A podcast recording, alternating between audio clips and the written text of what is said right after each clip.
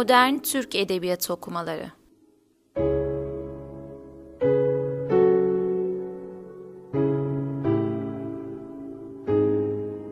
Tarih, Kuram, Metin ve Antoloji.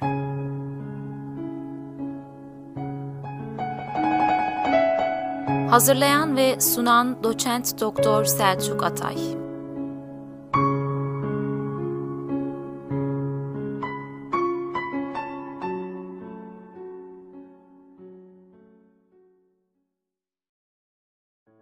Modern Türk Edebiyatı okumalarına hoş geldiniz. İkinci sezonumuzda bir edebi eseri, edebi metni daha iyi anlayabilmek, hatta anlamlandırabilmek için bize gerekli olacak kitaplar üzerinde duracağımızı söylemiş ve bu alanda ilk planda sıralayabileceğimiz eserleri sizlerle paylaşmıştık. Bu hafta sizinle yeni bir sezona başlıyoruz. Sanatkarlarımız üzerinde, onların biyografileri üzerinde duralım arzusundayız. Çok fazla bilgi kirliliği olduğu için daha doğru bilgilerle sizlerin huzurunda olmak istedik.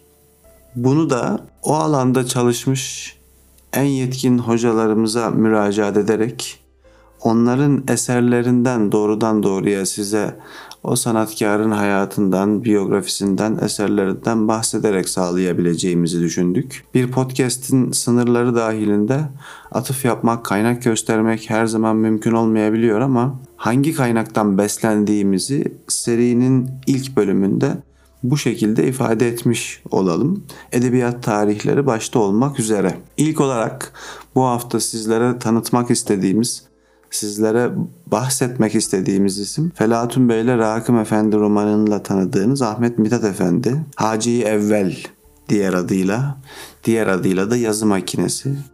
Onun rahle-i tedrisinde neler olmuş? Bu alanda çalışmış bir hocamızın bahsettiği üzere merak eden adam neleri merak etmiş ve neleri yazmış evvela biyografisinden sonra çok kısa olarak bir podcast'in sınırları içerisinde onun eserlerinden bahsetmeye çalışalım. 1844 yılında doğduğunu biliyoruz. 1912 yılında da vefat etmiştir Ahmet Mithat Efendi. İstanbul'da Tophane'deki Kumbaracılar Yokuşu civarında Karabaş mahallesinde doğuyor. Babası manifaturacı Hacı Süleyman Ağa, annesi de bir Çerkes kızı İstanbul'a küçük yaşta getirilmiş Nefise Hanım. Bekar çamaşırları diken bir annenin, onları yıkayan ve diken bir annenin bu çamaşırları cami avlularında satmaya çalışan bir babanın oğlu. Annenin ikinci evliliğinden doğmuş Ahmet Mithat. Anne 45 yaşındayken. İlk öğrenimini Vidin'de yapıyor. Babası daha 5 yaşındayken ölünce 1854-57 yıllarında ağabeyinin yanında Vidin'de kalan aile İstanbul'a dönünce Ahmet Mithat Mısır çarşısında aktar çıraklığına başlıyor. Çarşı esnafından İbrahim Efendi var. Onun sayesinde okuma yazma öğreniyor. Okuma yazma öğrendiğinde 16 yaşında. Ardından Galata'da bir yabancıdan Fransızca öğrendiği söylenir. İsmail Hikmet onun Tuna vilayetindeyken Dragon Chankov adlı birinden Fransızca öğrenmeye başladığını yazar ki bu daha doğru bir bilgi olarak görünüyor bize. Ağabeyinin yardımıyla Tuna vilayetinde küçük bir devlet memurluğuna da girer. Ancak çok çalışkan, çok zeki birisidir ve Mithat Paşa'nın takdirini kazanır. Mithat Paşa ona bizzat kendi adını yani Mithat'ı verir ve Fransızcasını ilerletmeye yönlendirir. Gazeteciliğe ilk adımını da yine Tuna'da attığını biliyoruz. Tuna gazetesinde ilk yazılarını gönderdiğini ama sonradan sanıyorum 1869 yılında da bu gazetenin baş muharriri olduğunu biliyoruz. Mithat Paşa'nın bir yıl sonra 70 yılında e, Bağdat'a tayiniyle Ahmet Mithat'ın da Bağdat'a gittiğini görüyoruz. Bu görev onun doğu kültürüyle yakından tanışmasına da vesile olmuştur. Ayrıca yine burada tanıştığı ressam Osman Hamdi Bey de onun batı kültürüne açılmasını e, açılmasını sağlamıştır. Zevra adlı bir vilayet gazetesi çıkartıyor burada e, Mithat Paşa'nın açtığı Mektebi Sanayi öğrencileri için de Hacı Evvel takma adıyla kitaplar yazıyor. Kıssadan Hisse serisinin e, ilk denemelerini de yine burada yaptığını söyleyelim. Hacı Evvel adının kaynak noktası da bu Bağdat'taki macerası. 1871'de ağabey ölüyor malum. Bunun üzerine e, ailesini İstanbul'a gönderiyor. Hemen ardından yaklaşık bir yıl sonra da kendisi İstanbul'a gelecektir. Genişleyen bir aile ve bu ailenin yükünü taşıyacak olan Ahmet Mithat var. Ee, İstanbul'daki ilk görevi Ceride, Ceride Askeriye'nin baş yazarlığı. Ayrıca kendi evine de bir matbaa kuruyor. Letaifi Rivayet serisini yayımlamaya başlıyor aile fertlerinin o geniş ailenin katılmasıyla açılan bir matbaa. Orada yazar, mürettip, dağıtıcı tamamı ailesinden oluşan, başka hiç kimsenin yardımı olmayan bir yazın hayatına başlangıç. Basiret gazetesine de bu arada yazılar göndermeye başladığını söyleyelim. Bu arada Namık Kemal'le tanışmış. İbret gazetesinde de çalışmaya başlamıştır. Kısa olan Devir ve Bedir isimli iki gazete denemesinin de aşağı yukarı aynı tarihe denk geldiğini söyleyelim. Yalnız Devir 1-2 sayı çıkabiliyor. Bedir ise 11. sayıdan sonra kapatılıyor bildiğiniz üzere. Elbette yayın hayatı bu kadar değil o yıllarda. Çok yazan bir isim. Dolayısıyla hükümetin de gözü üstünde 1872 yılında yani Bağdat'tan döner dönmez Eyvah piyesi sahnelenmişti. 1873 e, yılında İbret gazetesinde e, matbuat nizamını veya nizamnamesini tenkit ediyor. Bu tenkit hükümeti epey tedirgin etmiştir. Aynı yıl Türk düşünce tarihinde Hilmi Ziya Ülken'in hocanın ısrarla üzerinde durduğu, altını çizdiği, dağarcıkta yazdığı aynı başlıklı iki makale yayımlanıyor. Duvardan bir seda. Bu makale serisi, bu iki makale Ahmet Mithat'ın dinsizlikle itham edilmesine sebep olmuştur. Namık Kemal'in vatan piyesinin yarattığı bir atmosferi düşünürseniz İbret gazetesi etrafındaki yazarların hepsi zaten İstanbul'dan sürülmüştür. Sürülenler arasında Ahmet Mithat da var. Ebu Ziya Tevfik'le birlikte Rodos'a sürülüyor. Bir yazı hayatından biraz olsun kendisini çekip o yoğun yazı hayatından biraz okumaya vermesi Ahmet Mithat için adeta bir ödül oluyor bu. Ama öbür taraftan dünyaya ikinci geliş gibi Hasan Mellah, Hüseyin Fellah ve onun Zeyli Açık Baş, Ahsiyar gibi eserleri, romanları da burada bu dönemde yazmıştır. Ve aynı yıllarda sürgün anlamına gelen malumunuz Menfa eseri de burada kaleme almış. 1876 yılında Sultan Abdülaziz tahttan indirilince e, Ahmet Mithat Efendi de İstanbul'a döner ve döndükten sonra artık tamamıyla basın hayatının içerisindedir. Takvim ve Vekai Müdürlüğü'ne getirilir 1872 yılın 77 yılında. Bir yıl sonra da tercümanı hakikati kuracak. 1908 meşrutiyetine kadar yayın hayatına devam etmiş olan bir gazeteden bahsediyoruz. Muallim Naci'nin, Ahmet Rasim'in, Hüseyin Rahmi'nin yetiştiği gazete tercümanı hakikattir. İkinci meşrutiyetten sonra da emekli olarak bir süre Darülfünun'da, Darül Muallimat'ta tarih, felsefe gibi derslere girdiğini biliyoruz. Ahmet Mithat her şeyden evvel bir gazetecidir.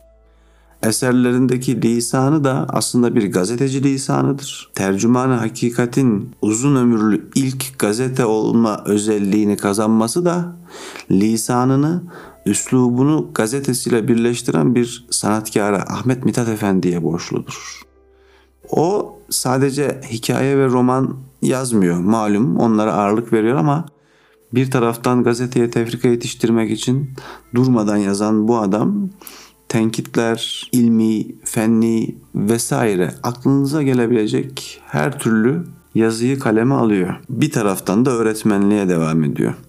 Onun haceliği hem gazetede anlattıkları hem kitaplarında anlattıkları hem etrafındaki büyük kişiliği, şahsiyeti ama öbür taraftan da hakiki anlamda öğretmenliğidir. Darülfünun'da, Darül Muallimat'ta öğretmenlik yapıyor ama ömrünün son dönemlerinde de Darüşşafaka'da fahri öğretmenlik yaptığını biliyoruz.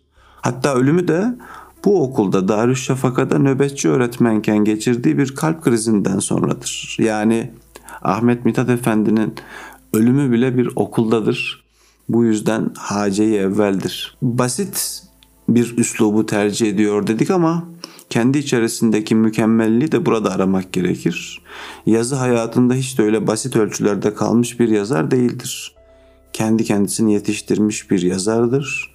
Fakat hem kendi döneminin ve mekanının içerisindeki fikri gelişmeleri, değişmeleri yakından takip etmiş hem de Avrupa'daki gelişmeleri çok yakından takip etmiş bir isimden bahsediyoruz. O merak eden, merakı yüzünden bu etrafında olup biten her şeyi takip eden adam ama öbür taraftan teşhislerinde çok isabetli bir fikir adamını, diğer taraftansa teklifleri ile gelen bir aydın kimliğini temsil eder. Sadece merak eden bir adam değil, aynı zamanda olup bitenleri iyisiyle kötüsüyle teşhis edebilen bir adamdır. Bu teşhisin yanında aynı zamanda teklifleri de vardır. Hikaye ve romancı olarak Ahmet Mithat'ın Tanzimat Edebiyatı'nda bu yeni edebi türlerin tanınmasında, gelişmesinde, halk tarafından kabul edilmesinde büyük katkıları vardır. 1870'te başlayan bir Letaif Rivayet serisi 40 e, cildin üzerindeydi malumunuz. Maceradan tarihi romanlara, sosyal hayatın hikayeleştirilmesine kadar. Hatta müşahedat ile realist ve naturalist anlayışın bizim ülkemizde, bizim edebiyatımızda tanıtılmasına kadar pek çok katkı yine onun sayesinde olmuştur. Onun roman tarifi üzerinde durmak lazım. Yaşanılan günlük hayatın romanlaştırılmasına yerli roman adı veriyor. Osmanlı İmparatorluğu'nun çeşitli yörelerinde ve tarihi özelliğiyle geçen romanlara da milli roman adını veriyor. Her iki türde de başarılı eserler kaleme almıştır. Fakat onun yerli roman ve milli roman tanımını anakronizme veya başka kaynaklardaki hatalara düşmeden bu şekilde tanımlamış olalım. Letaif rivayatı yazdığını söyledik. Kimisi neredeyse bir roman uzunluğunda ve bir roman çerçevesinde. Bu romana ilişkin ilk örnekler olarak da düşünebilir Ahmet Mithat'ın romancılığında. Batılılaşma sorunu, görücü usulüyle evlilik, kız çocuklarının okutulması, miras yediler ve onların hayat anlayışları, kadının toplumsal hayattaki yeri, esaret, cariyelik, azim, başarı, eğitim, sağlık aklınıza gelebilecek her türlü konuda yazmış olan bir isimden bahsediyoruz. Ama bunların tamamını yeni ve orijinal yönleriyle kaleme alabilmesini bilmiştir. Tiyatro denemeleri yaptığını da biliyoruz. Ahmet Mithat'ın ilk piyesi Vatan yahut Silistre'den önce oynanmış Eyvah. Ancak yazarın tiyatro türünü çok fazla benimsediğini söyleyemeyiz. Çerkes Özdenler bile yazılırken ön sözünü hatırlayınız. Roman gibi okunmak için ön sözüyle, açıklamasıyla okuyucuya sunulmuştur. Temelinde halka seslenme var, halkı eğitme var. Ona okuma alışkanlığı kazandırma. Bu faydacı bir yaklaşım olarak görülebilir ve Ahmet Mithat Efendi'nin romanlarında estetik bir kıymetin noksanlığından bahsedilebilir. Fakat bu bizim değerlendirmemiz olarak kalır. Ahmet Mithat Efendi hiçbir zaman kendisini bir romancı olarak görmemiştir. Onlar Namık Kemallerin, Recaizadelerin işi diyen bir adamdan bahsediyoruz. O kendisini bir romancı olarak, hikayeci olarak daha genel bir ifadeyle kendisini bir sanatkar olarak görmüyor. Görmediği için de gereğini yapmıyor. Yoksa estetik en azından devrin estetik anlayışı içerisinde yeteneğinin ve istidadının olduğunu söylemek mümkün. O kendisini bir hacı olarak değerlendiriyordu ve bir hace, bir hoca ne yapması gerekiyorsa o da onu yapıyor. Ancak bu iki ifadede onun romancı olarak öneminin dikkatlerden kaçmasına sebep oluyor. Buna dikkat etmemiz gerekir. Jale Parla Don Quixote'dan bugüne roman adlı eserinde Ahmet Mithat'ın getirdiği yeniliklerle onun Türk Edebiyatı'nda romanın kurucusu olduğunu söylemesi boşuna değil.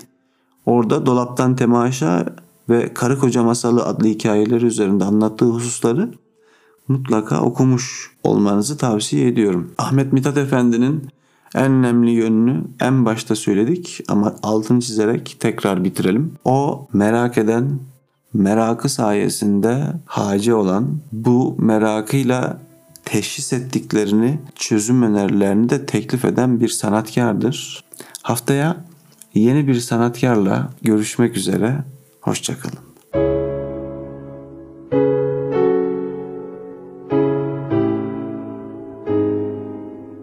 Modern Türk Edebiyatı Okumaları.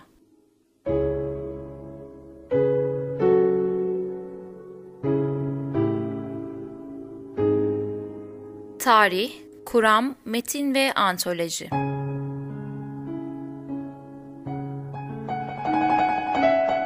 Hazırlayan ve sunan Doçent Doktor Selçuk Atay